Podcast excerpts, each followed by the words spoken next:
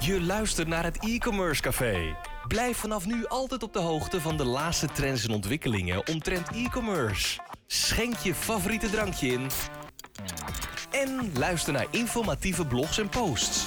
Leer van andere succesvolle e-commerce ondernemers. En blijf op de hoogte van de laatste ontwikkelingen. Hier is uw host, Dries de Gelder. Hoi, wat leuk dat je weer luistert. Voordat we met het gesprek beginnen met investeerder Bernd Mintjes, wil ik graag mijn dank uitspreken aan onze sponsor voor het mede mogelijk maken van deze podcast. De podcast van vandaag wordt mede mogelijk gemaakt door Spotler, e-mail marketing automation speciaal voor webshops. Ga voor meer informatie over de mogelijkheden van Spotler naar spotler.com/e-commerce. En dan nu naar het gesprek met Bernd Mintjens. Goedemorgen Bert Mintjens, Bernd Mintjens. Welkom in het Spellenhuis. Uh, we mogen hier terecht bij uh, vrienden van mij. Die runnen het Spellenhuis. Uh, ja, de horeca is dicht, dus we mogen even achterin een zaaltje gebruik maken. We zitten netjes op anderhalve meter zoals het hoort hè, tijdens het coronavirus.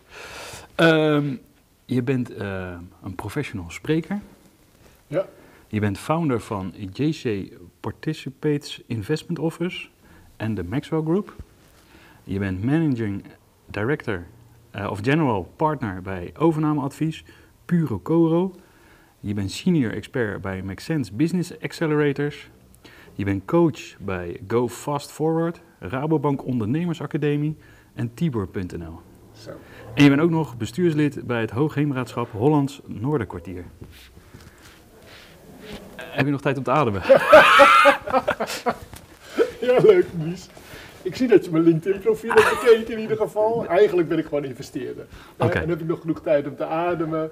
Ik probeer mijn werk in twee dagen per week te doen. Kijk eens aan. Dus dat geeft toch een beetje relativering van wat je net allemaal opnoemde. Oké. Ja, dus dat is eigenlijk wat ik doe. Dat doe ik al 25 jaar. Investeren in bedrijven. Veelal jonge bedrijven. Mensen die beginnen met een bedrijf. En op een of andere wijze de financiering niet rondkrijgen. Want de meeste mensen gaan toch eerst kijken of ze bij een bank terecht kunnen. Als je op een of andere wijze bij een bank niet terechtkomt, dan kom je bij een investeerder.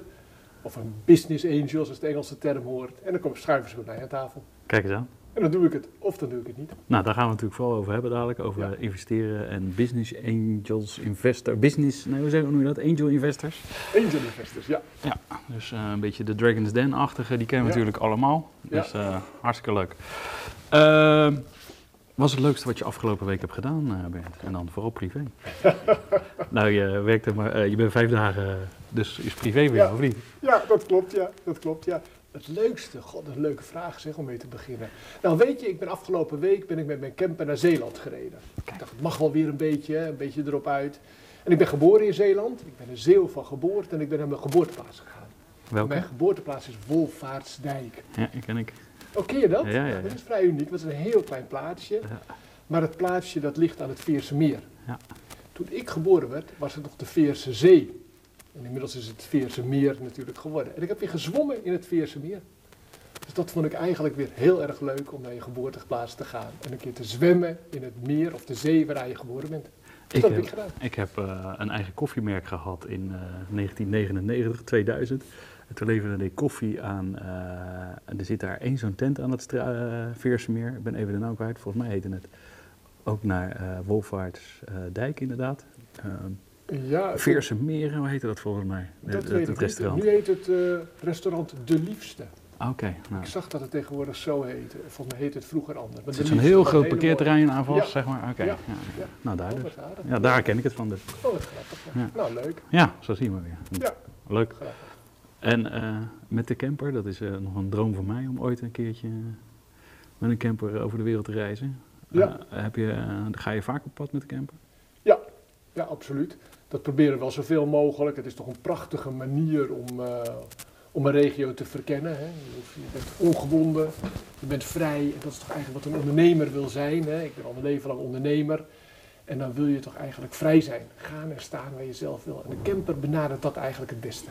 Ja, dus ik raad ieder ondernemer aan. Hè, koop een camper en trek de wereld in. Oké, over die vrijheid. Heb je, ben je dan zo eens een klein privévliegtuig hier gestapt?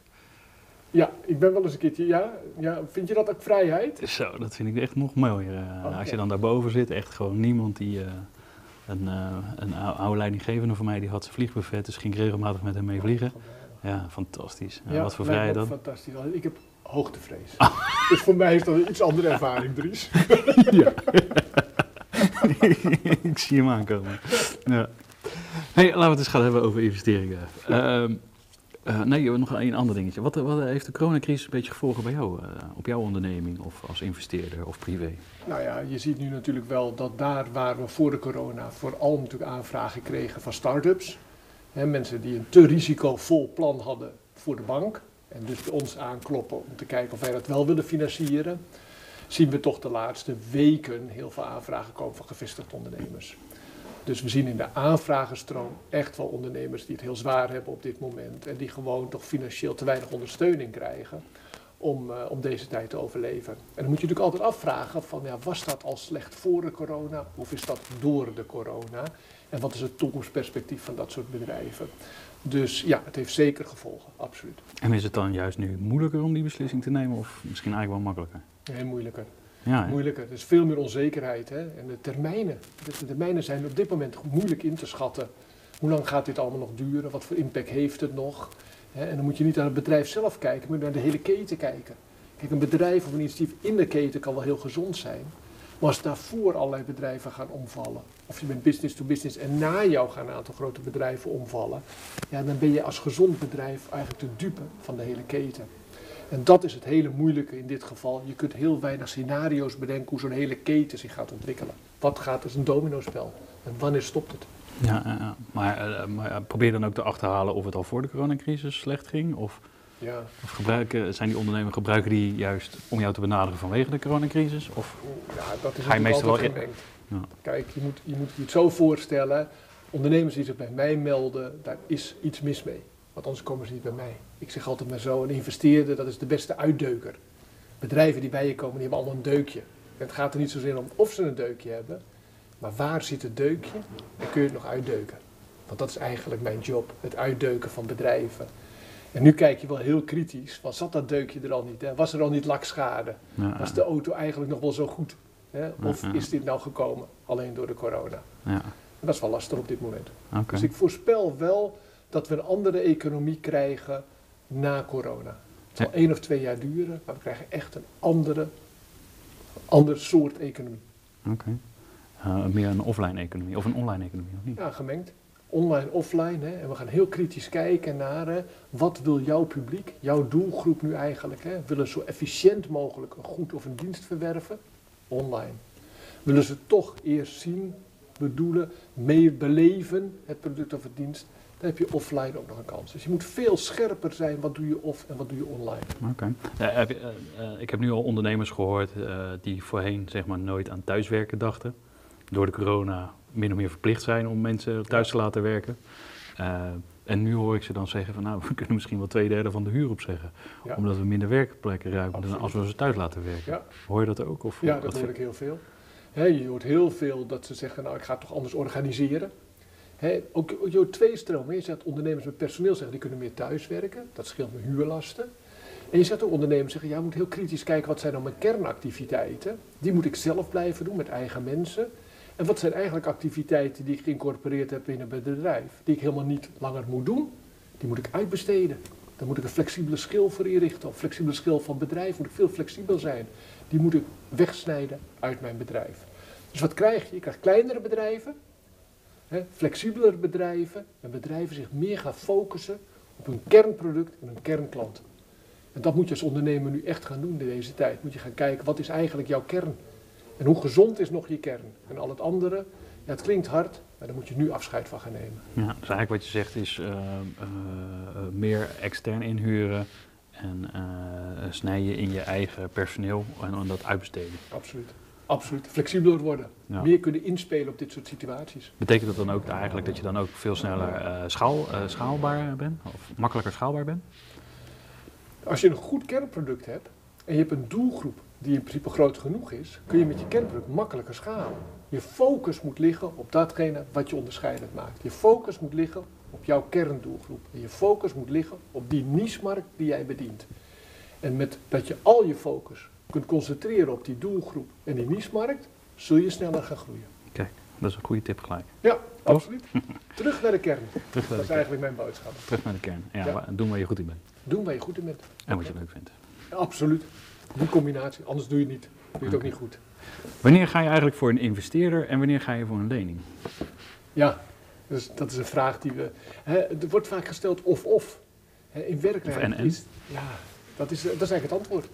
Hè, in werkelijkheid is dat natuurlijk niet zo. Hè. Hoe gaat het eigenlijk in zijn werken? Iemand heeft een idee, die werkt dat uit, die komt op een financieringsbehoefte. Gaat het eerst zelf financieren met eigen vermogen. Dan komt de Primary Funds and Fools, hè, komt om de hoek kijken. Nou, die doen ook nog een stukje. En op een gegeven moment gaat het bedrijf beginnen. Je hebt je eerste klanten. En dan komt het moment dat je denkt, het gaat goed. En heb je aanvullende financiering nodig.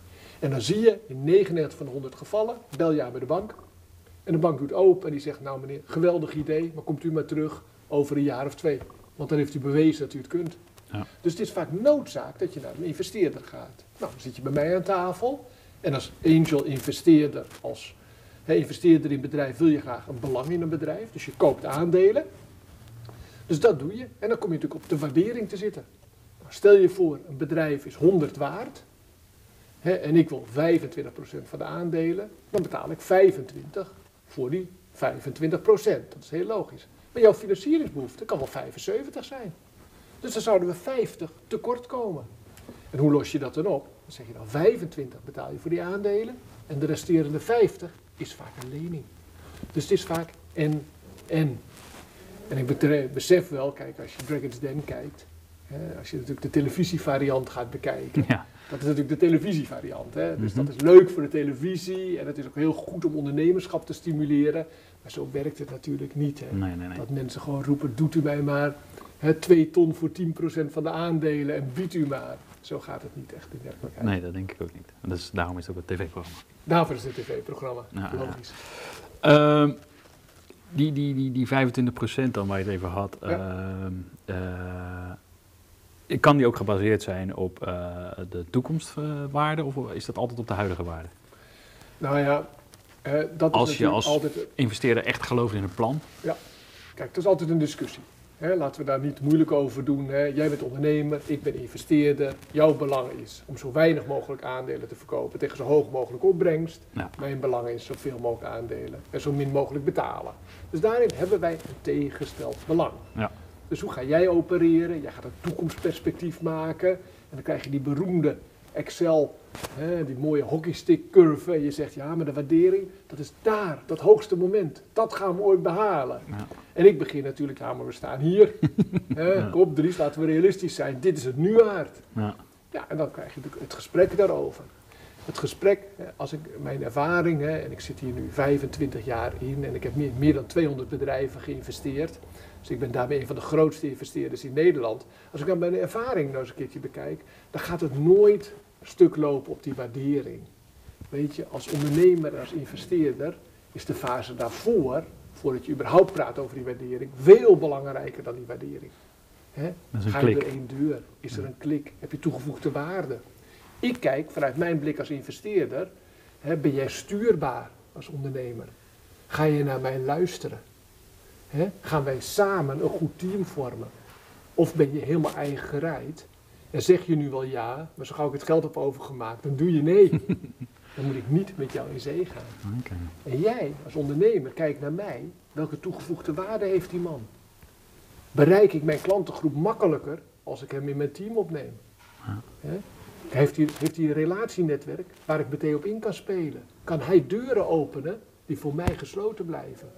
Als jij overtuigd bent dat ik een toegevoegde waarde voor jou heb, en ik ben ervan overtuigd dat we samen een winnend team gaan vormen, dan, hè, dan gaat het wat worden. Weet je, Dries, investeren is net daten. Het is net daten. Weet je, je weet het na een uurtje.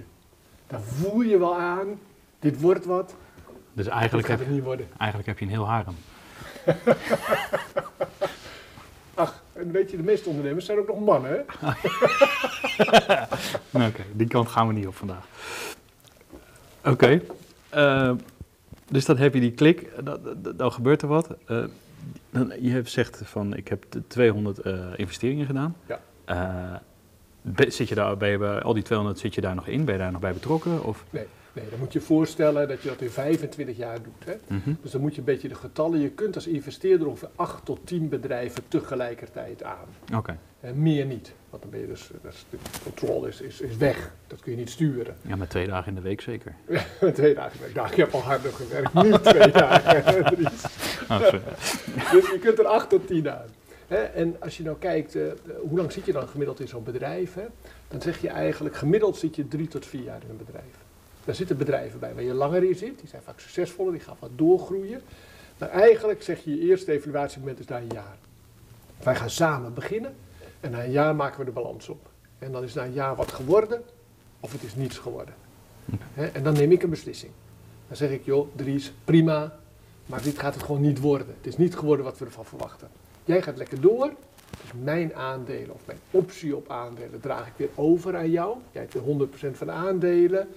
Word gelukkig en ik ga weer door met een ander bedrijf. Hoe vaak komt dat voor? Als je in 10 bedrijven investeert, dan vier keer wordt het niks. Vier van de 10 keer nemen we na een jaar afscheid. Ben ik mijn geld kwijt. Hè, en jij gaat dan door als ondernemer. Nog eens een keer vier van de 10 bedrijven.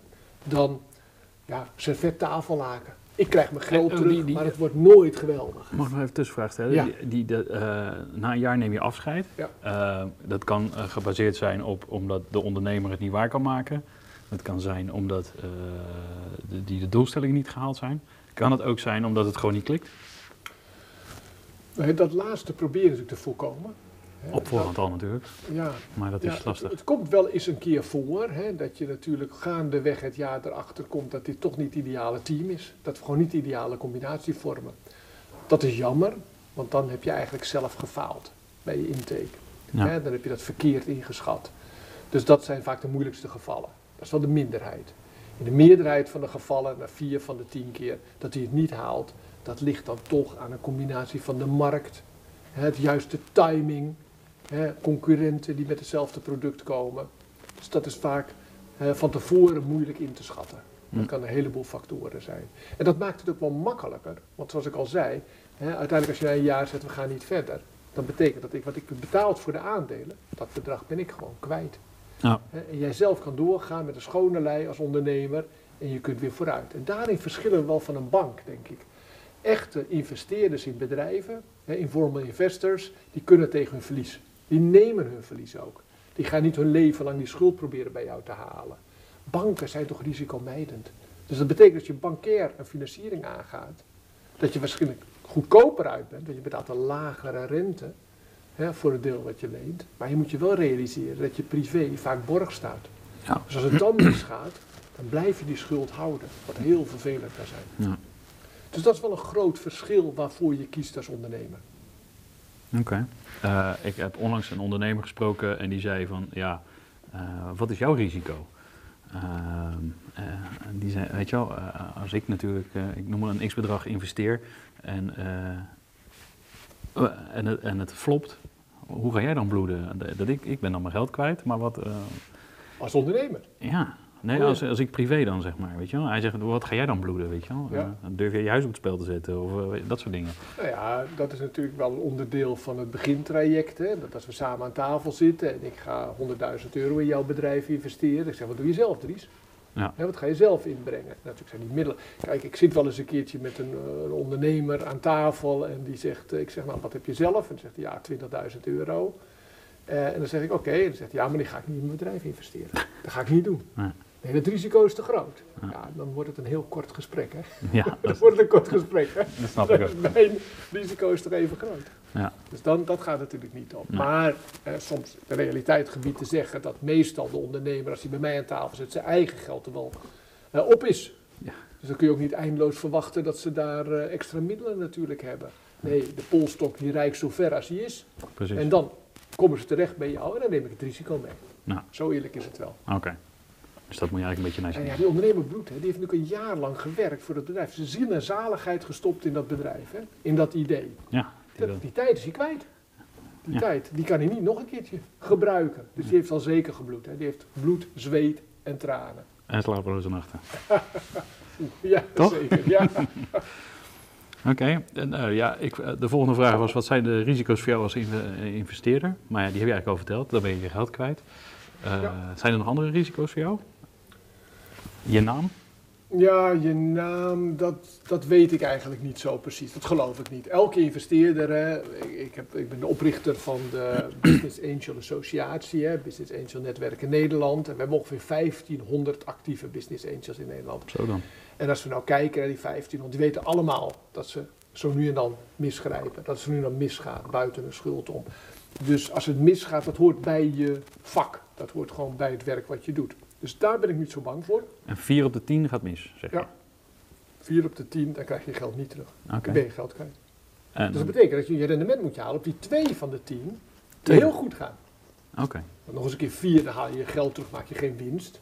En uiteindelijk onze tijd die we stoppen in zo'n bedrijf wordt niet beloond. We moeten het hebben van een rendement op de waardestijging. Dus het bedrijf wat we hebben, de aandelen, moeten meer waard worden. En dan uiteindelijk moeten we het verkopen voor veel meer van de waarde dan we erin gestopt hebben. Dat is natuurlijk het spel wat we spelen. Is het dan ook wel eens zo dat, ehm, eh, dat je eh, gewoon je aandelen wel in het bedrijf laat zitten en uit laat betalen in dividend? Ja, dividend. Je hebt natuurlijk recht, je bent dividendgerechtigd. Want we werken over het algemeen met normale aandelen. Dus ja, als ik 25% van de aandelen heb, dan ben ik gerechtigd op 25% van het dividend. Als we dividend gaan uitkeren. Maar als investeerder doe je het vaak niet op het, op het dividend. Hè. Dat is een rendementsmodel. Soms heb je wel bedrijven die heel hoog eh, dividend draaien. Neem, eh, Booking bijvoorbeeld, hè, dat hebben we net kunnen lezen. Hè. Toen het heel goed ging met Booking draaiden ze een geweldig hoog natuurlijk dividend. Hè, keren ze uit aan de aandeelhouders.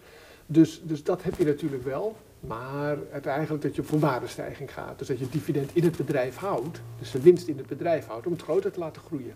Om het uiteindelijk na drie tot vijf jaar te kunnen verkopen aan een grote partij. Dat is natuurlijk eigenlijk het liefste wat je hebt Als investeerder. als investeerder. Ja, Dus- dan hou je je hoogste rendement. Dus ei- eigenlijk als ik maar een investeerder zoek, is natuurlijk de kans groot dat na een aantal jaar de investeerder eh, zijn aandelen wil verkopen. Ja, En, eigenlijk wel. Ja. en dan, eh, hoe vaak gebeurt het dan dat hij die verkoopt aan de huidige ondernemer? Of Ja. die erin zit? Of? Ja, ja, vaker dan je denkt. Dat is, in mijn geval heb ik dat eens een keertje op een rijtje gezet, 60%. Dus in 6 van de 10 keer verkoop ik terug aan de ondernemer. Het bedrijf gaat zo goed dat die ondernemer dat langzamerhand terug kan verdienen. Die gaat die aandelen weer terugverkopen, gaan we weer waarderen. En dan gaat hij dat aan mij betalen. Dus of een andere financier neemt het over. Of vaak zie je dat de bank dan wel bereid is om te financieren. Het bedrijf bestaat een aantal jaren, heeft bewezen dat het bestaansrecht heeft, heeft ook zekerheden te bieden. Dus de bank stapt dan in. En uit de bankaire lening worden mijn aandelen gefinancierd. Zes van de tien keer. En vier van de tien keer verkoop je aan een, aan een derde partij. En dat zijn dan vooral de start-ups die begonnen zijn, de jonge mensen. Gat in de markt, hoog risico, hoog rendement. Als dat lukt, dan wil een marktleider graag zo'n bedrijf kopen. Maar dan het hele bedrijf. Hele bedrijf, 100%. Dus eh, eh, stel even, hypothetisch gezien, ik start nu eh, het e-commerce café, ik neem een investeerder Ja. aan boord. Ja. En eh, over drie jaar eh, ja, verwacht je eigenlijk dan eh, als investeerder ook dat je misschien de zaak gaat verkopen. Als het lukt. Ja, ja, dus dan gaan we nu al nadenken samen, hè, wie zou dat willen kopen? Stel je voor dat e-commerce café, dat wordt groot, hè? je hebt 2500, 5000 leden, het wordt heel groot, het wordt echt een, een naam in Nederland. Hè? Daar gaan we nu al overleggen, want wij zitten samen in dat bedrijf. Over vijf jaar, hè, wie is, voor wie is dit interessant? Voor wie denk jij dat het interessant is? Ja. Heb je daar al gedachten over? Nee, ik dacht van... Wat denk je over vijf? Wie heeft nou interesse in zo'n e-commerce café-achtig ding met leden? Zo'n bestand, wie heeft daar nou geld voor over? Geen idee. Ik dacht gewoon, daar heb ik nog nooit over nagedacht. Ik denk, ik blijf altijd zelf aan het roer. Ja. Nee, dat gaan we toch zeker niet doen. We moeten over vijf jaar moeten we natuurlijk naar de Seychelles. Moeten we, moeten we daar lekker kunnen liggen, jongen.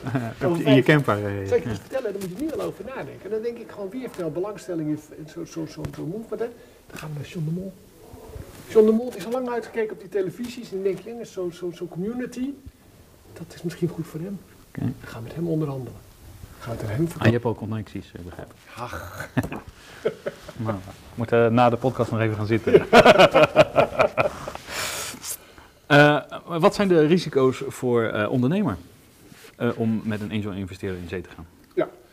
Ja, die zijn er wel degelijk. Hè? Dat is wel zo. Ik vind ook dat je als ondernemer, voordat je met een investeerder in zee gaat, moet je wel heel goed je verdiept hebben in wat voor persoon dat is. Dus niet te snel beslissen. Want het is meer dan alleen maar een geldboom. Hij gaat zich bemoeien met je bedrijf. Ja. Hij gaat een actieve rol spelen. En er zijn wat regels bij dat investeren, waardoor je als ondernemer bij sommige beslissingen gewoon afhankelijk bent van je investeerder. Dus je moet wel heel goed weten dat je ook dat huwelijk aan wil gaan. En eh, daar zijn wel risico's aan verbonden. Want als het niet klikt, hè, en als het dus misgaat, dan ben jij als ondernemer, gaat het je energie kosten en tijd kosten. Ja. dat kun je niet besteden aan het opbouwen van je bedrijf. Ja. Kijk, die investeerder die heeft tegelijkertijd tien bedrijven. Dat er één of twee bij zitten wat niet goed loopt, dat calculeert hij al lang in. Als jij diegene bent die niet goed loopt, omdat je dit ziet zitten met die investeerder, omdat dat misgaat in onderlinge verhoudingen, trek jij aan het kortste eind. Ja. De investeerder heeft diepere zakken dan jij hebt. Ja. Dus je moet wel heel goed eventjes vraag referenties op. Hè? In welk bedrijf heb je al geïnvesteerd? Mag ik eens een keertje een ondernemer spreken? Hoe ging dat dan? Wat zijn precies de regels? Hoe werk jij? Dat moet je wel goed over laten voorlichten voordat je de besluit neemt. Kijk eens aan. Ja. Dat is een goede tip. Ja, absoluut. Zeker. Wat is belangrijker als je naar een angel investeerder gaat? De pitch, de presentatie, het financieel plan of de persoon? Ah ja, ja. Ja, kijk, laat ik zeggen, er zijn een Of is er nog iets anders? Nou, misschien is er ook nog wel iets anders, maar waar, waar het eigenlijk om gaat, dat is weer, de randvoorwaarden moeten goed zijn. Die pitch, die moet gewoon kloppen. Je, moet, je moet weten waar je het over hebt. De cijfers, die moet je gewoon kennen. En je moet weten wanneer je break-even bent. Je moet weten wat je kostprijs is. Je moet weten wat je marges zijn. Dat is logisch. Dat weet je allemaal wel. Uiteindelijk gaat het er wel om dat je ook een strategie hebt bedacht.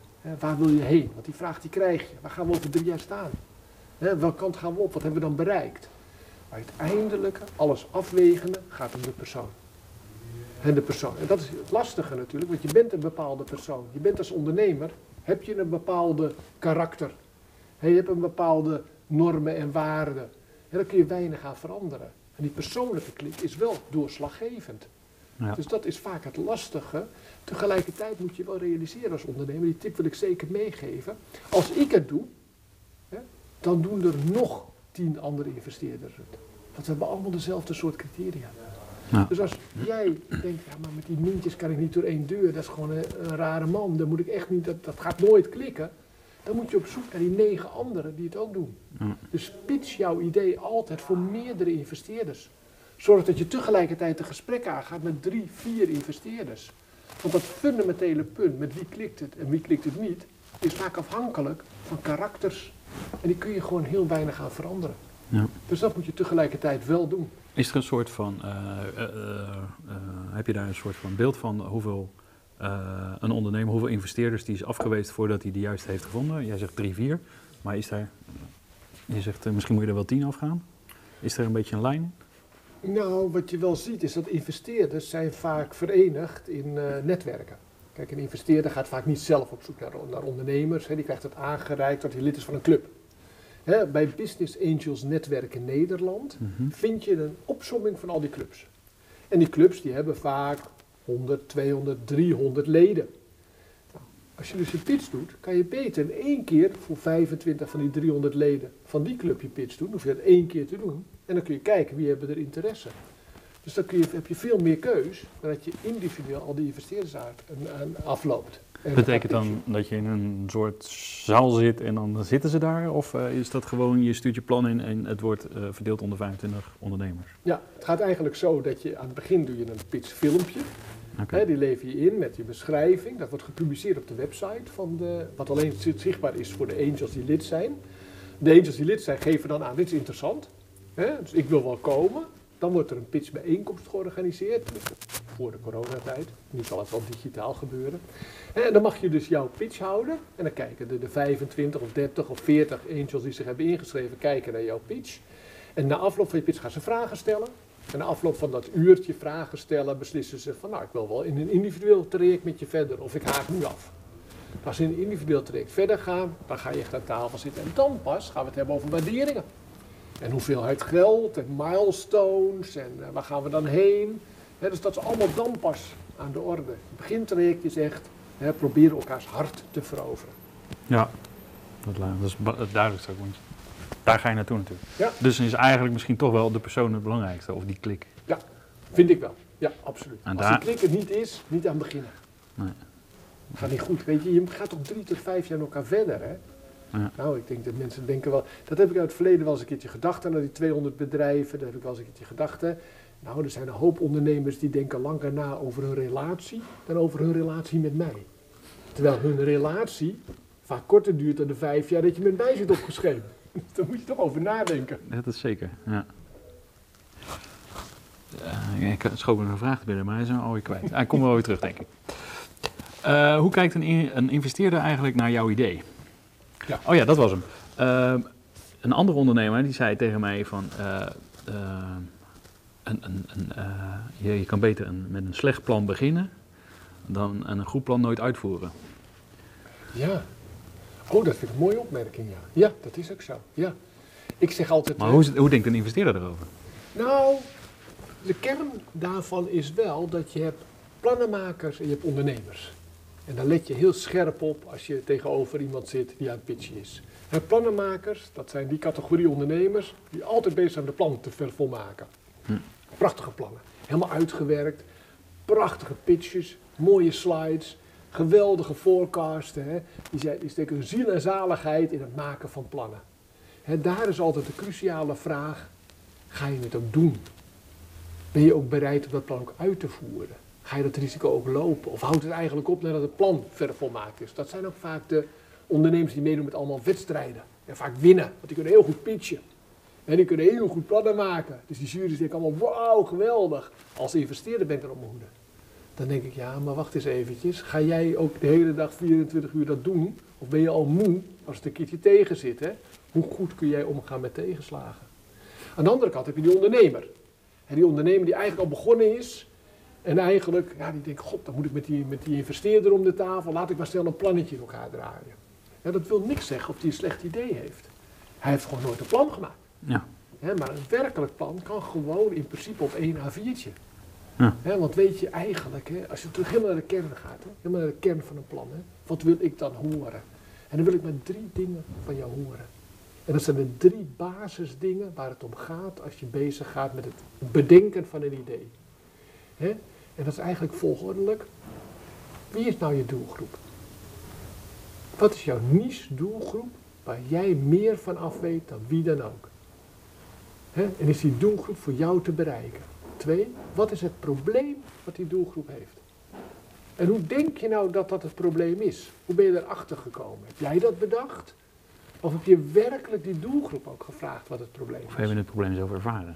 Of heb je het probleem zelf ervaren? En hoe is dat het probleem dat gedeeld wordt door die doelgroep? En dan pas, wat is dan jouw unieke oplossing die je hebt om dat probleem bij die doelgroep op te lossen? Dat is eigenlijk de hele kern. Moeilijker is het niet. Nee. Dat zijn de drie dingen waar het om gaat. En de meeste ondernemers die gaan tegenover me zitten en die beginnen te vertellen, hè, ik heb een product of een dienst en dat is heel goed. Dat is beter dan welk product dan ook. En dat kan dit en dat kan dat en dat is zus en dat is zo. En dan denk ik, ja, maar voor wie maak je dat eigenlijk? En wie ga je dat eigenlijk verkopen? Wie zit er eigenlijk te wachten op die oplossing die je hebt? Nee, je moet beginnen. Dit is mijn doelgroep. En daar heb ik die ervaringen mee, die ken ik als geen ander. En ik weet dat dat hun probleem is. Want dat heb ik onderzocht. Dat heb ik met ze gesproken, dat heb ik ervaren. En daarom heb ik die unieke oplossing bedacht. Ja. Dus redeneer vanuit de vraag niet vanuit het aanbod. Dat is eigenlijk de basis. Mijn probleem is vaak van, eh, als ik dan iets bedenk of als ondernemer met het e-commerce café, dat ik, ik heb een stip op de horizon, weet ik precies hoe het eruit ziet. Alleen Ja. de weg ernaartoe, hoe ga ik dat mensen uitleggen, geen idee. Ja, Maar ik begin maar vast. Ja, ja, omdat je intuïtief, denk ik, aanvoelt wat het probleem is. Ja. Kijk, de oplossing verandert. Hè, want de oplossing die jij bedacht hebt, daarvan kun je wel na de eerste ronde bedenken dat, dat, dat je respons krijgt, hè, terugkoppeling vanuit je doelgroep. Zeg, ja, het is allemaal leuk bedacht, het e-commerce café voor jou, jongen, maar je moet echt betere koffie hebben, want anders kom ik nooit meer. Dan denk je, oké, de oplossing is betere koffie, dan moet ik daaraan gaan werken. Dat Ja. wist je niet aan het begin. Maar dan kom je pas achter als je bezig gaat. Continu die dialoog met jouw doelgroep aangaan en dan kom je vanzelf verder. Zal ik een voorbeeld geven? Graag. Een voorbeeld van een bedrijf waarin ik net geïnvesteerd heb. Dat is wel leuk. Ik heb wat dingetjes meegenomen natuurlijk. Kijk. En afgelopen zomer heb ik dan geïnvesteerd in een bedrijf. En dat bedrijf dat maakt eh, pleisters. Niet gewone pleisters. Hier zie je een, eh, een dingetje, dat zijn CBD-pleisters. Dus pleisters op basis van CBD. Hè, CBD is de grondstof van, eh, van de hennepplant. Mhm. En dan zie je dat CBD wordt veelal verkocht in de vorm van olie. En het enige wat dit bedrijf doet, dat is niet olie verkopen, maar pleisters. Dat is een andere toedieningsvorm, een prettiger toedieningsvorm. Kijk aan. Dus daarin is het onderscheidend vermogen. Dan zie je, dat hebben ze bedacht vanuit het product. Want je hebt een product bedacht. Een betere uitvoering van een bestaand product. Vervolgens, voor wie dit is en wat het probleem is, hadden de jongens niet echt over nagedacht. Maar ze hadden wel een uniek product. Dus ik ben ingestapt, toen heb ik nagegaan, en wie verkopen we dit nu eigenlijk? We hadden 800 vaste kopers. Dus zijn we allemaal eens een keer gaan bellen. En hebben gevraagd, van, waar verkoopt u dit eigenlijk? En het bleken vooral vrouwen te zijn. Van middelbare leeftijd en ouder. En waarvoor kochten ze nou dit product? Dat kochten ze omdat ze beter konden slapen. Dus het hielp om betere nachtrust. Oké. Nou, met dat we wisten dat het een betere nachtrust was, dat die pleister hielp voor een betere nachtrust, heb ik gezegd, ja, maar dan moeten we daar, niet, dan moeten we daar iets mee doen. En zie versie 2 van het product, de nacht. Dan moet je dus een slaappleister maken. Want dat snappen mensen. Als dat je probleem is, en dat is je doelgroep, dan maak je een slaappleister. En dan ga je deze pleister dus verkopen voor die doelgroep. En dan heb je meteen die connectie te pakken. Dus je ziet, je begint met iets unieks. Maar dat unieks is niet goed genoeg. Dat moet je verbeteren door de respons van je doelgroep tot uiteindelijk een product wat veel meer aanspreekt. Nou, deze stap hadden we niet kunnen maken zonder met deze stap te beginnen. Ja. Want deze stap levert ons 800 klanten op. En 800 klanten levert ons de respons op om die stap te gaan maken. Ja, Prachtig. zeker. Zo zie je maar dat dat een plan helemaal anders kan uitpakken als dat je hem voor, op voorhand bedenkt. Door het te doen. En Precies. dat hadden we nooit kunnen bedenken of kunnen uitvinden in het ondernemersplan. Dus beter een slecht, eh, slecht plan, eh, maar een goede uitvoering. Absoluut. Ja. Absoluut. Oké. Eh, ja, hoe kijkt een investeerder dan eigenlijk naar jouw idee? Dat was eigenlijk dan de volgende vraag. Ehm, die heb ik van je website gepikt. Ja. Hoe kijk je? Eigenlijk zijn er vijf Hou het kort, want hier kan je heel lang over beginnen. Heel lang, ja, vijf dingen. Met een ondernemer moet je denken aan vijf dingen. Oké. Waarin ben je uniek? Mhm. Wat is het unieke van jouw product? Ben je schaalbaar? Dus wat is je doelgroep? Hoe groot is je doelgroep? Hoe makkelijk kun je je doelgroep bereiken? Wat is je strategie? Waar wil je over drie jaar staan? Wat is je business concept? Dat is gewoon de cijfertjes. En je verdienmodel. Hoe ga je je geld aan verdienen? Wat is je marge? Wat is je break-even? En dat soort dingen. En als laatste, wie ben jij? Dat zijn de vijf dingen. De eerste twee, die moet je hebben. Je moet iets unieks hebben en je moet iets hebben met een doelgroep. Drie en vier, het verdienmodel en de strategie, die kunnen we samen uitdenken. Daar kunnen we aan knutselen, daar kunnen we dingen aan, de knoppen kunnen we draaien. En vijf, het team, wie ben jij? Dat is uiteindelijk wat de doorslag geeft. En dat bepaalt of ik ga investeren of niet. Oké. Dus dan hebben we ook gelijk de criteria. Dat zijn de criteria. Ja, Kijk eens aan. Stap, ehm, waar stap je in als eh, investeerder? Is het in een eenmanszaak of is het altijd een BV? Of hoe gaat dat? Eh, Een beetje juridisch misschien? Maar, Ja, maar het is wel een heel realistische vraag hoor. Kijk, uiteindelijk wil je aandelen verwerven. Want aandelen geeft het bezit aan. Hè? Dat is gewoon de maatstaf hoe je verdeelt, hoe je bezit verdeeld is. De realiteit gebiedt dat sommige ondernemers gewoon een eenmanszaak hebben of een VOF. Omdat ze gewoon fiscaal dat beter, betere vorm is. Betaalt gewoon minder belasting. Dus daar moet je heel praktisch mee omgaan. Als jij bij me zit als eenmanszaak en ik heb vertrouwen in jou, dan verleen ik jou een converteerbare lening, zoals dat heet. En een converteerbare lening geeft mij het recht om als het succesvol wordt, de lening om te zetten in aandelen op het moment dat wij een BV oprichten. Dat doen we natuurlijk alleen als het succesvol wordt. ja. Als het niet succesvol wordt, dan blijft de converteerbare lening een lening. En dan gaan we het hebben over hoe gaan we weer die lening in, in, inlossen. Hè, dus dat is eigenlijk een hele praktische oplossing om te komen, om te voor zorgen dat je niet per se een BV moet hebben. Want als ondernemer is het voor jou vaak goedkoper om nog even daarmee te wachten voordat je een BV opricht, omdat die eerste jaren het fiscaal voor jou voordeliger is. Ja. En gaan we de BV pas oprichten als we een bepaald niveau bereikt hebben. Dus het kan beide. Oké, dat kan bij. Ik dacht altijd van dat moet een BV zijn, want dan kan je de aandelen verdelen. Ja, ja, maar met een converteerbare lening kun je een heel eind komen. Oké. Maar dan eh, eh, ligt het risico weer meer bij de ondernemer dan bij de investeerder. Ja, dat, is, dat hangt er een beetje van wat je afspreekt met die lening natuurlijk. Hè. Van uiteindelijk, hè, als het niks wordt na een jaar en ik heb een converteerbare lening aan jou gegeven van 100.000 euro. En na een jaar is het totaal mislukt. Het is niks geworden. Wat heb ik er dan aan als ik die lening per se terugbetaald wil hebben? Dat wordt toch niks. Waar moet jij dat dan van doen? Dus dan moet ik ook zo sportief zijn. Als ik aandelen had verworven, had ik de aandelen teruggegeven voor een euro. Nu heb ik een lening, een converteerbare lening. En dan moet ik ook zo sportief zijn dat ik zeg, Dries, dit gaat hem niet worden. Laat maar die lening. Moet je eventjes regelen fiscaal, maar dan scheldt hij de lening kwijt. Ja, oké.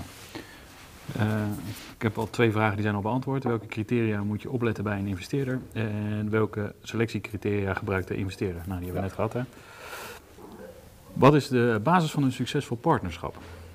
Je doet tenslotte het helemaal samen. Dus eh, wat is nou echt de basis? Het moet, je moet klik hebben. Ja. En dan vertrouwen, denk ik. Eh, flexibiliteit. Flexibiliteit van beide kanten. Tuurlijk vertrouwen, dat moet er sowieso zijn, dat is de basis. Maar in de werksfeer, hè, hoe ga je samen tot een succes maken, is het wel flexibiliteit. Dus jij moet, hè, naar, je moet sparren met elkaar. Ik kan zeggen, ja, weet je, die pleister, die moeten we echt veranderen.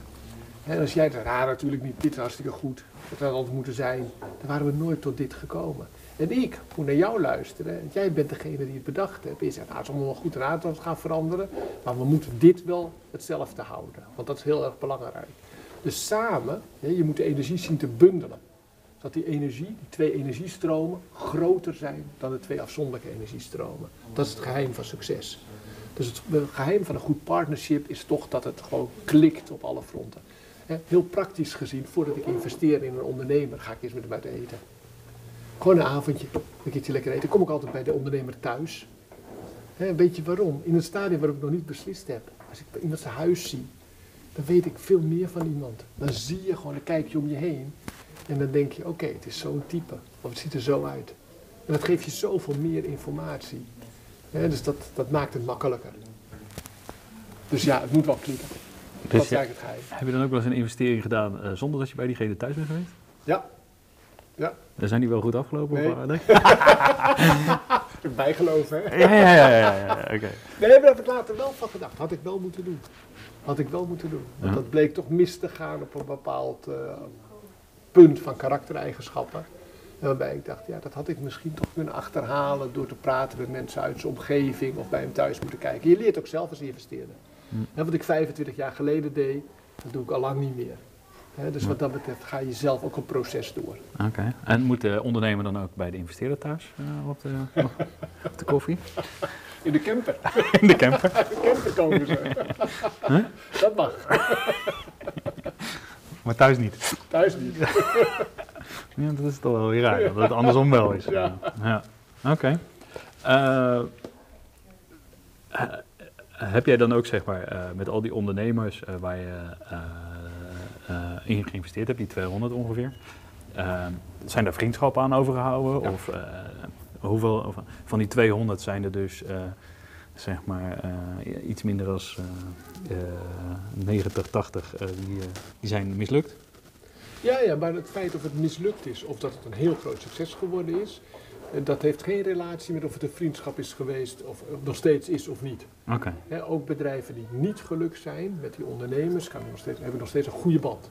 Oké. Het is, ik, ik volg ze, blijf ze ook wel volgen met een nieuw initiatief. Want de ondernemers die gaan natuurlijk wel door met een volgend initiatief of een volgend iets. Ze leren er ook weer wat van. Dus nee, het is eigenlijk eh, in, in, in verreweg de meeste gevallen eh, hou je er een goede band aan over. Heb je wel eens ge- geïnvesteerd in een investeerder die eh, in een eerder project is geflopt, eh, Ja. eh, weet je wel? En dan Ja. daarna nog een tweede keer? Ja, zeker. Zeker. Dat doe je ook, ja. ja. Dat je gewoon beide tot de conclusie komt, dit is het niet. Ga maar weer eens een keer wat anders uitwerken. Kom maar weer eens een keer terug en dat je het wel doet. Ja. Ik Dat had wel. natuurlijk onlangs eh, René Savelberg Ja. aan tafel. Ja. Of tenminste, die hebben we via de telefoon gedaan. Want toen was het net begin van de corona. Eh, Nee, ja, ja. En die, eh, dan hadden we het even over de film The Founder Oh ja. van eh, McDonald's. Die, Ja. die man is natuurlijk ook eh, honderdduizend keer op zijn bek gegaan voordat het echte plan tot werk Ja, kwam. ja, dat zie je toch wel, ja. Ja, dus het is ook gewoon doorzettingsvermogen en echt gewoon wel ondernemerschap, alleen elke keer een flutplannetje. Ja.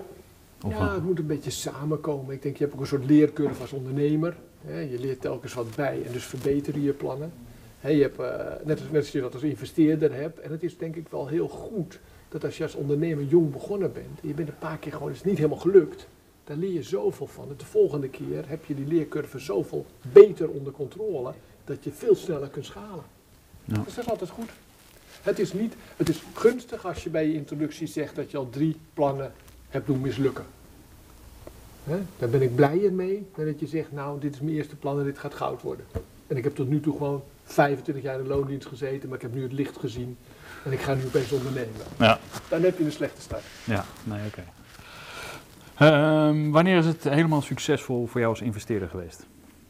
Is het dan echt als je het eh, weer verkocht hebt, je aandelen? Of, of als je denkt van nou, ik wil er eigenlijk misschien wel bij betrokken blijven? Nee, het, het allermooiste scenario is natuurlijk, je stapt in in een jong bedrijf. Je hebt met vijf, zes jaar dat jonge bedrijf samen opgebouwd en je verkoopt het samen aan een grote partij. Hè, dan heeft een happy start en een happy end met z'n tweeën. En daarna ga je lekker uit eten en dan gooi je een fles champagne over en dan heb je het genot van, eh, ja, dit is het geworden. Dat is natuurlijk het beste scenario wat je kunt hebben. En wie betaalt op dat moment de rekening? Ja, dat doe je als investeerder natuurlijk altijd. Ah. Aan het begin, dan kan die ondernemer niet betalen. en aan het eind om hem te bedanken voor de samenwerking. Ah, oké. Dus doorbetaald ondernemer. ook tussendoor betaald op. Dat is van zijn geld. Betaald ondernemer. Ja, ja, ja. oké. Ehm, wat zijn de gemiddelde investeringen die je eh, doet als eh, angel investe- investeerder? Ja, bedrag bedoel je? Ja, bedrag. Hoe hoog? Ja, kijk, dan moet je je voorstellen, angel investeerders zitten vaak in de eerste fase van het bedrijf. En in realiteit investeren we zoiets tussen de 50 en de 500.000 euro per bedrijf. Vaak dat de financieringsvraag hoger is in eerste instantie bij de ondernemer. Want die, die, hele grote plannen en dat soort dingen. Dus dan probeer je dat op te knippen in een aantal delen. Hè. Helemaal aan het begin heb je het grootste risico en de minste andere financieringsbronnen. Dus dan zul je 100% zelf moeten financieren. Vaak zie je dat als een bedrijf verderop gaat, het heeft een markt, het heeft klanten, het heeft omzet, dat langzamerhand een bank ook bereid is om meer te financieren. Dus die totale financiering kun je, doordat je deelt in bepaalde segmenten en je haalt die milestones, een deel onderbrengen bij andere financiers. En dan komt natuurlijk de kracht van een investeerder.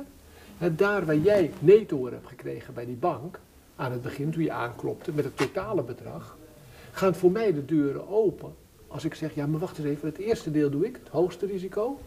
Maar bank, jij mag deze klant hebben, maar dan moet je meegenomen vanaf deel 2. Dan ga jij ook risico lopen. En deel 3 ga jij doen. En dan denkt die bank, ja maar die mintjes is erbij betrokken, dat zit wel goed. En dat is een groot voordeel van een investeerder. Die kan deuren openen die voor jou gesloten blijven. Ja, eh, oké. Dat is wel interessant natuurlijk. Ja.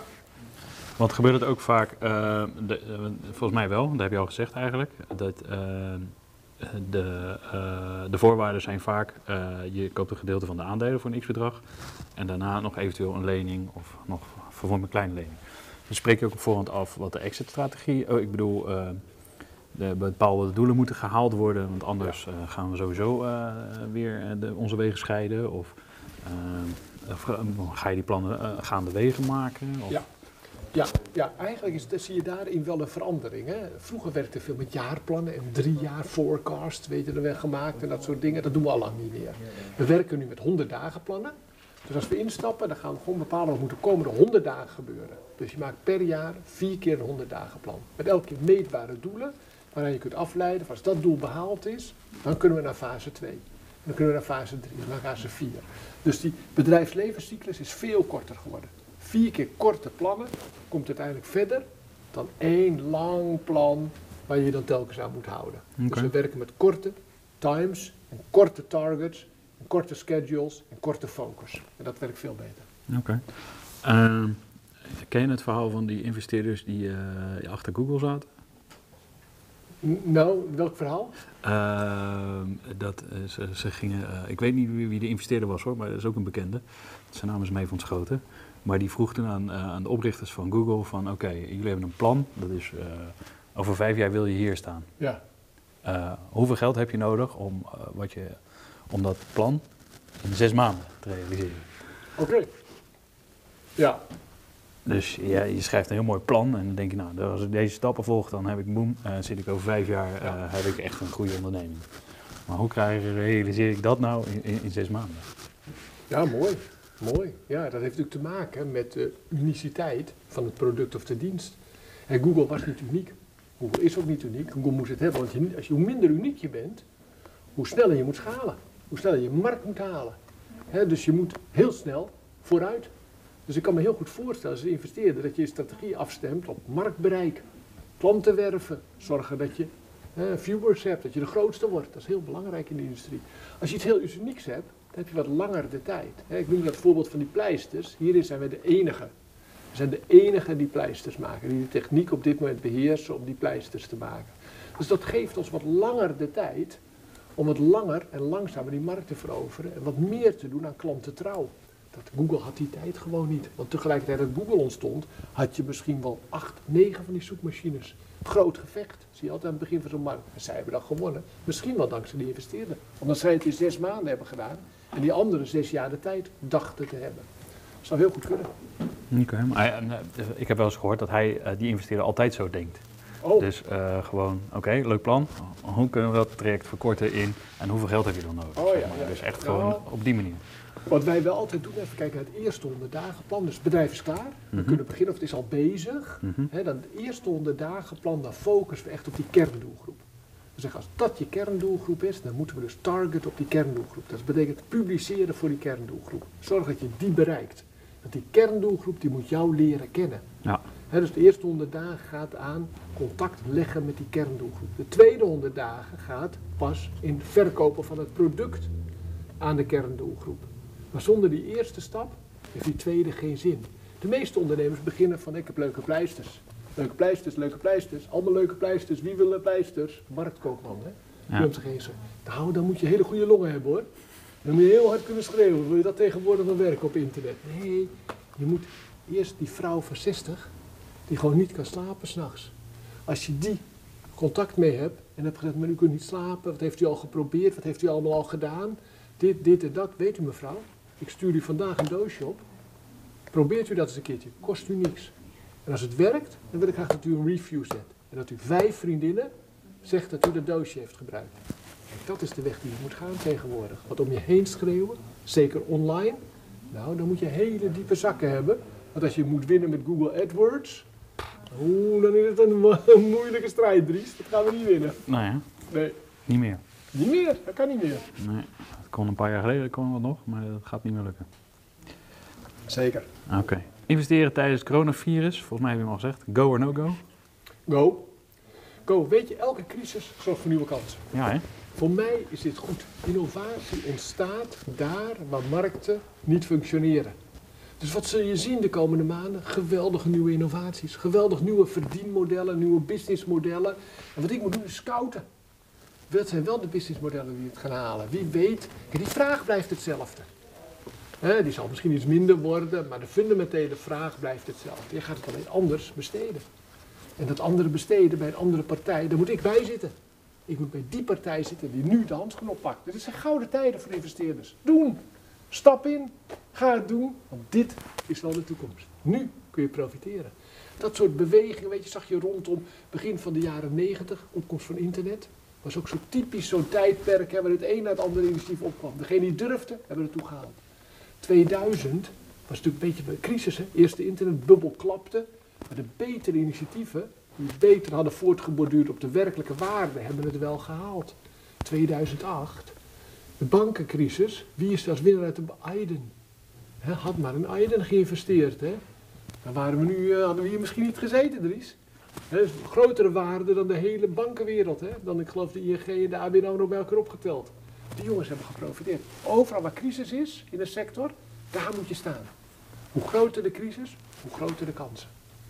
Hoe meer er te halen valt. Nu moet je toestaan. Corona biedt gouden kansen. Is het dan, betekent dat het voor jou, je hebt nu zeg maar, je doet, je hebt gemiddeld acht eh, investeringen lopen.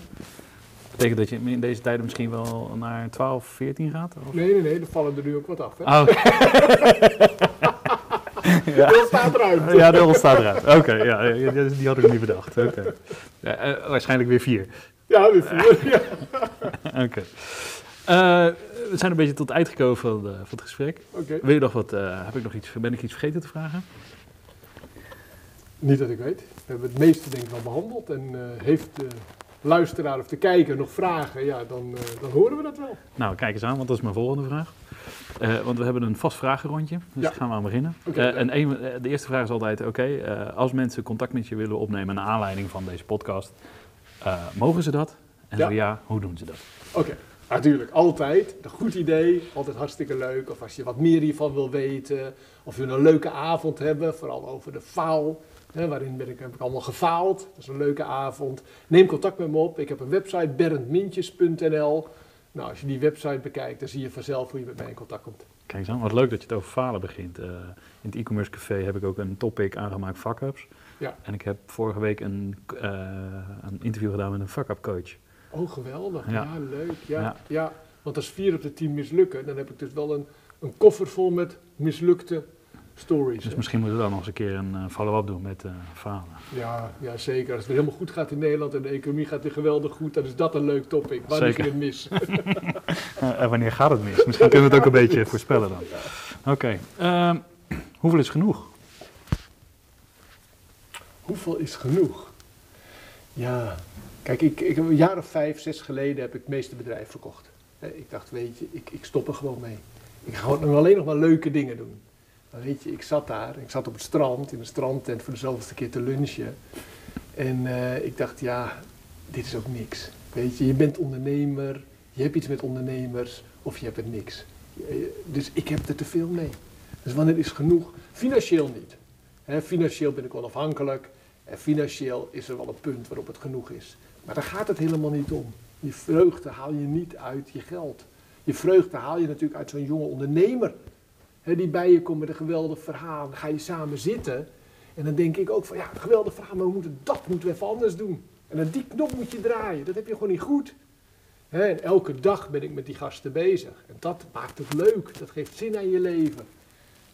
Dus genoeg, genoeg, ja, weet je Dries, ik zal, ik zal tot mijn dood bezig zijn met proberen dat knopje nog even iets om te draaien, waardoor het nog beter gaat bij een ondernemer. Want dat is natuurlijk de sport, dat is wat de kick geeft. Dat is natuurlijk de vreugde.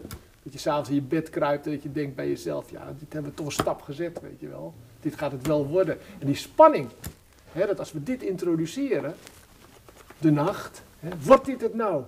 Want dit is vorige week aangekomen. Ik heb het vers van de pers. Hè, maar weet jij, jij hebt er nog nooit van gehoord. Nee. Je hebt het nog nooit gezien. Nee, Maar het is kikker dat we denken dat over een jaar dat heel Nederland hierop gaat slapen. Die spanning, gaat dit het nou worden of niet? Dat is elke keer weer natuurlijk hetgene waarvoor je het doet. Dus nou, wanneer is genoeg? Nooit. en verkopen ze het online of Online, ja. eh, in een webshop? Webshop, Kijk, dus dan heb ik weer een nieuwe klant in het e-commerce café. absoluut, absoluut. Jongens, absoluut online. ja, toch? Zeker weten. Nou, kijk eens aan. Wat is jouw favoriete podcast?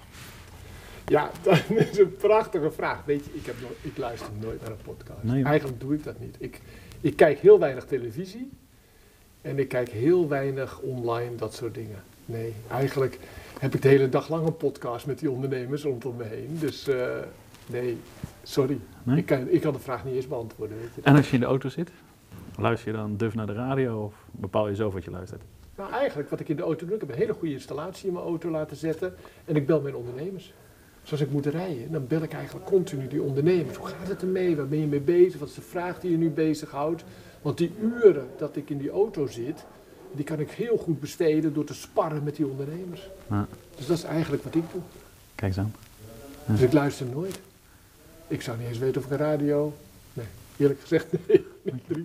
Je kan een Sorry. podcast gaan luisteren. Hè? Ja, dat is vanaf nu idee. uh, vanuit e-commerce café. E-commerce café. Ja, toch? Je hebt eh, boeken meegenomen. Ik had, eh, als, eh, misschien kan je het voorbereiden. Dat vroeg je, wat kan ik voorbereiden? Ja, wat is je laatst gelezen managementboek? Ja, dat vond ik een leuke. Deze. Deze heb ik gelezen. Van Edwin Selei.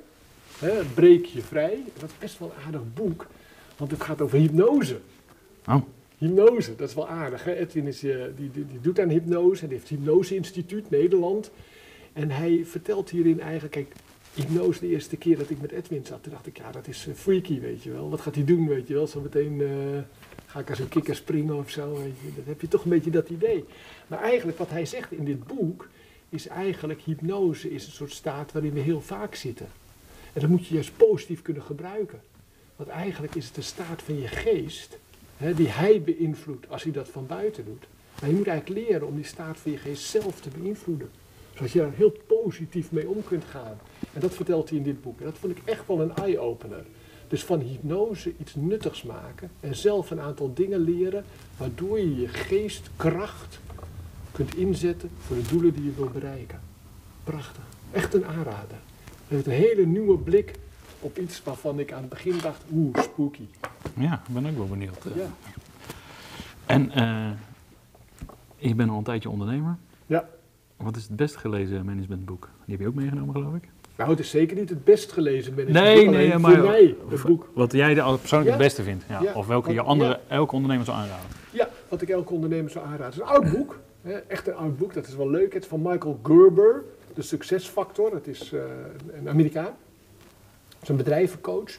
Hoogtepunt was in de jaren 90 van de vorige eeuw. Dus we praten hier echt over 25 jaar geleden. Maar het is toch mooi om te zien dat als je zo'n boek nog weer een keertje erbij pakt, een boek van 1995, dus lang geleden, hè, dat je dan toch, en je leest dat boek, hè, dat gaat eigenlijk, hoe maak je van een klein idee een groot bedrijf? Dus over schaalbaarheid.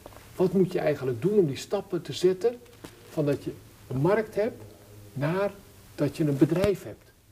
Dus werk in je bedrijf naar werken aan je bedrijf. En het is best goed om te zien dat iemand die dat 25 jaar geleden noteerde, dat dat nog steeds zo actueel is.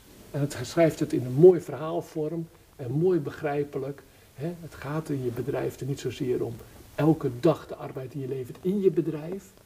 Maar het is veel verstandiger om zo nu even stil te staan, te gaan zitten, eventueel met een investeerder, en nog eens een keertje te kijken naar je bedrijf.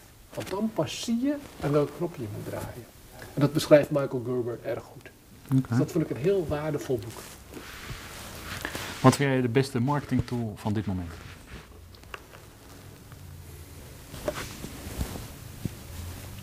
Goeie vraag, goeie vraag. De beste marketing tool van dit moment.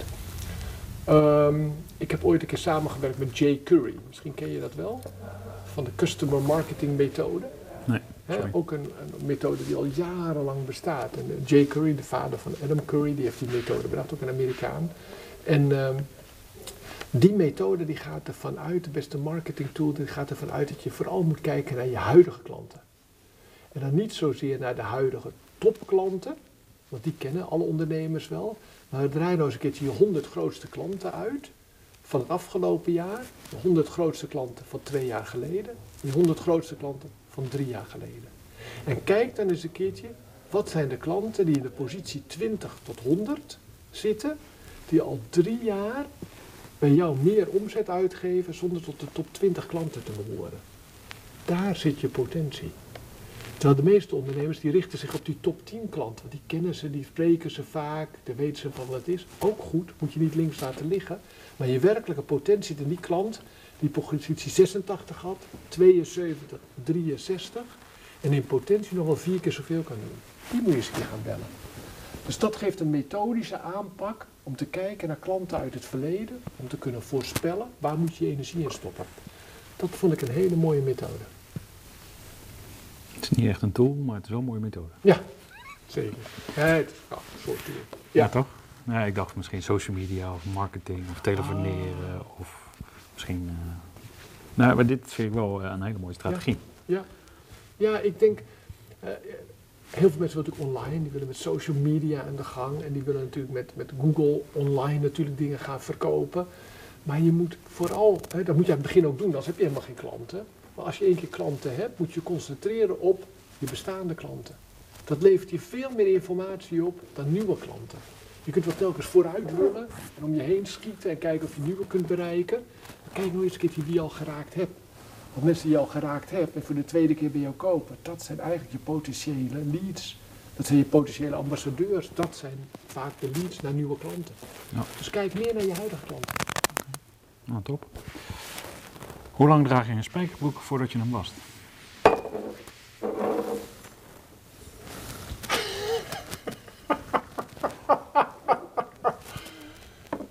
Dries, ik heb nog nooit van mijn leven iets gewassen. Nee. Maar voordat je hem in de was doet. eh, Oh! Ja. Ik ga nu vier dagen antwoorden, maar ik zou het echt niet weten. Als ik de wasman tegenkom, denk ik. Oké. Ze zeggen dat je spijkerbroek nooit moet wassen. Oh. Dus eh, daarom. Oké, nee, dat doe ik wel. Maar ik, ik klink dan... Nee, ja, ik je doet hem af en toe eens in de was. Ik doe hem zo nu en dan. Eh, na een Wordt dag het- vier. eh, Wordt het geregeld. Oké. Wie zou mijn volgende gast moeten zijn? Oh ja, dat is leuk. Ja, dat is leuk.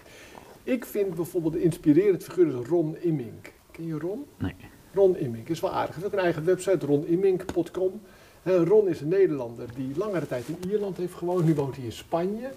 En hij is altijd bezig geweest. Hij heeft of 25 boeken geschreven over trends. Maar dan niet zo die trendwatcher die alles al voorspelt wat gaat er volgend jaar gebeuren. Maar kijken naar het verleden. En op basis daarvan trends voorspellen voor de 25 jaar. En dat is een heel inspirerend iemand om eens een keer een gesprek mee te hebben. Vooral in deze tijd, met grote onzekerheden. Je stelde mij die vraag, waar gaat het heen na deze coronatijd? Ja, dat is dan iets waarvan ik denk, daar zou ik Ron even bellen. Zou ik Ron, op basis van eerdere crisis, wat kun je nou zeggen waar het heen gaat? Hij houdt zich echt bezig met waar gaat iets heen. Oh, gaaf. En daar heb ik heel veel aan. Ja. Oké. Hey, ik heb eh, John Lin, ik weet niet wie die kent. Nee? Is dit ook een trendwatcher? Eh, nee, ja, dus, eh, hij werkt bij bol.com en Oh, ja. hij, hij sp- spreekt ook vaak voor bol.com en Oké, spreekt ondernemers aan. En die, die heb ik opgeleid staan nog. Tenminste, die moet nog een keer, de afspraak moeten we Ja. dagen maken. Maar die, hij heeft toestemming van bol.com dat hij met mij in gesprek mag. Leuk. Maar die, die vertelt dan alles over eh, eh, marketplaces en de toekomst van AliExpress. En Ja. hoe ze het daar doen met WeChat en hoe China dat denkt. En Ja, ja, dat lijkt me ook zo gaaf en inspirerend verhaal. absoluut, absoluut. Ik Ja, hou ervan om in de toekomst te kijken. Alleen, Ja. hm, ja, ja we geweldig. Ja. Ja. leuk. Lijkt me heel leerzaam. Ja. Zeker. Eh, hoe gaan we ondernemen in augustus? In augustus, je bedoelt na de coronatijd, Ja, of niet? September? Nou, kijk, je moet in ieder geval deze tijd aangrijpen om weer even terug te gaan naar je kern. Hè, kijk nou eens een keertje, waarin was jij nu uniek? Waar ben je ooit begonnen? Dat is eigenlijk het beste vraag. Hè? Dat vraag ik altijd aan ondernemer. Ben je ooit begonnen dan? En waarin was jij uniek? Hè, welke doelgroep bediende je met welk probleem? En ja, wat je er allemaal daarna omheen gebouwd hebt, allemaal leuk en aardig, maar daar gaan we afscheid van nemen. We gaan weer terug naar de kern. En vanuit die kern ga je nog eens een keertje opnieuw redeneren. Wat gaan we vanuit augustus nou echt anders doen? Kijk, weet je, horeca-ondernemers die nu in hun zaak gaan uitmeten hoeveel tafeltjes ze kwijt kunnen. Met anderhalve meter tussenruimte en plastic schermen gaan zetten. En ik weet niet, hè, dat is echt niet de weg die je moet gaan. Dat gaat het niet worden. Daar ga je niet op lange termijn mee overleven. Hè, als dit het is, dan moet je nog eens een keer goed kijken naar welke klant kwam in jouw horecagelegenheid en waarom kwam hij daar. En datzelfde wat hij bij jou vond, hoe kun je hem dat bieden zonder dat je gaat knutselen met schermen of de monddoekjes of weet ik veel wat voor andere methoden. Dat gaat het niet worden. Maar ga nog eens een keer terug naar wat je, hoe je ooit begonnen bent. Ja, dat, eh, als we dan even het spellenhuis nemen, die moeten natuurlijk dicht. Eh, die hebben gewoon van woensdagavond tot zondagavond zit het hier bomvol, normaal gesproken. Ja. Eh, die zijn wel naar dit soort middelen aan het zoeken, want hoe krijg je anders weer al die mensen in je winkel, eh, of hoe krijg je weer al die tafeltjes vol? Nou ja, kijk, totdat dat kan, want Ah, dat spelletjes moet je wel aan tafels doen, dat is de gezelligheid, daarvoor komen die mensen daar. Moet je in contact blijven met de mensen die ook nu thuis zitten, die spelletjes ook niet kunnen doen, want die hebben een groter probleem. Dan gaan ze helpen om dat probleem op te lossen. Ja. In de tussentijd, hou dat contact met je kerndoelgroep en vraag je kerndoelgroep welk probleem ervaar je nu en hoe zou jij de oplossing willen zien. Ja. Vraag het vooral aan anderen. Ik denk dat dat wel de toekomst wordt. Ja. En Ja, en soms heb je wel branches die op een gegeven moment over zijn. En ja, dan moet je meegaan en vooral de innovatie zien te vinden, mee te bewegen naar de volgende golf. En probeer het om dat weer, eh, weer op te bouwen. Mooi. Ik eh, dank je wel, eh, Bernd. Ik heb ongeveer een uur en zeven minuten op het puntje van mijn stoel gezeten, omdat ik het allemaal interessant vond. Dus ik hoop dat jij het ook leuk Ja, vond. ik vond het hartstikke leuk. Ik vond het heel leuk om te doen. Leuk. Ja. En, was het je eerste podcast? Of, eh, Ja, kijk eens aan. ja, ja. Dus het, is- verschilt niet zoveel met de gewone lezing, maar het is wel leuk om een keertje, om een keertje te doen. Allereerst mijn eerste podcast, hè. Nou, kijk eens aan. Hey, première. bedankt voor je tijd en, eh, en voor je boeiende informatie. Dries, Graag gedaan en jij heel veel succes. Dank je. Ik heb zo ongeveer het hele gesprek op het puntje van mijn stoel gezeten. Maar ja, ik zit dan ook midden in de gesprekken met investeerders. Dit was voor mij zeer leerzaam. Ik hoop voor jou ook. Tot slot nog even een dankwoord aan onze sponsor Spotler. E-mail marketing automation speciaal voor webshops. Check spotler.com slash e-commerce. Tot snel en Bernd, nogmaals bedankt. Weer bedankt voor het luisteren. Vergeet je niet te abonneren voor onze podcast. Geef een aantal sterren die jij vindt dat we verdienen. En schrijf een review met wat jij vindt wat goed ging of verbeterd kan worden. Ga naar e-commercecafé.nl voor de laatste ontwikkelingen en de show notes van deze podcast. En word lid van onze community. Tot de volgende. En tot die tijd lekker veel online verkopen.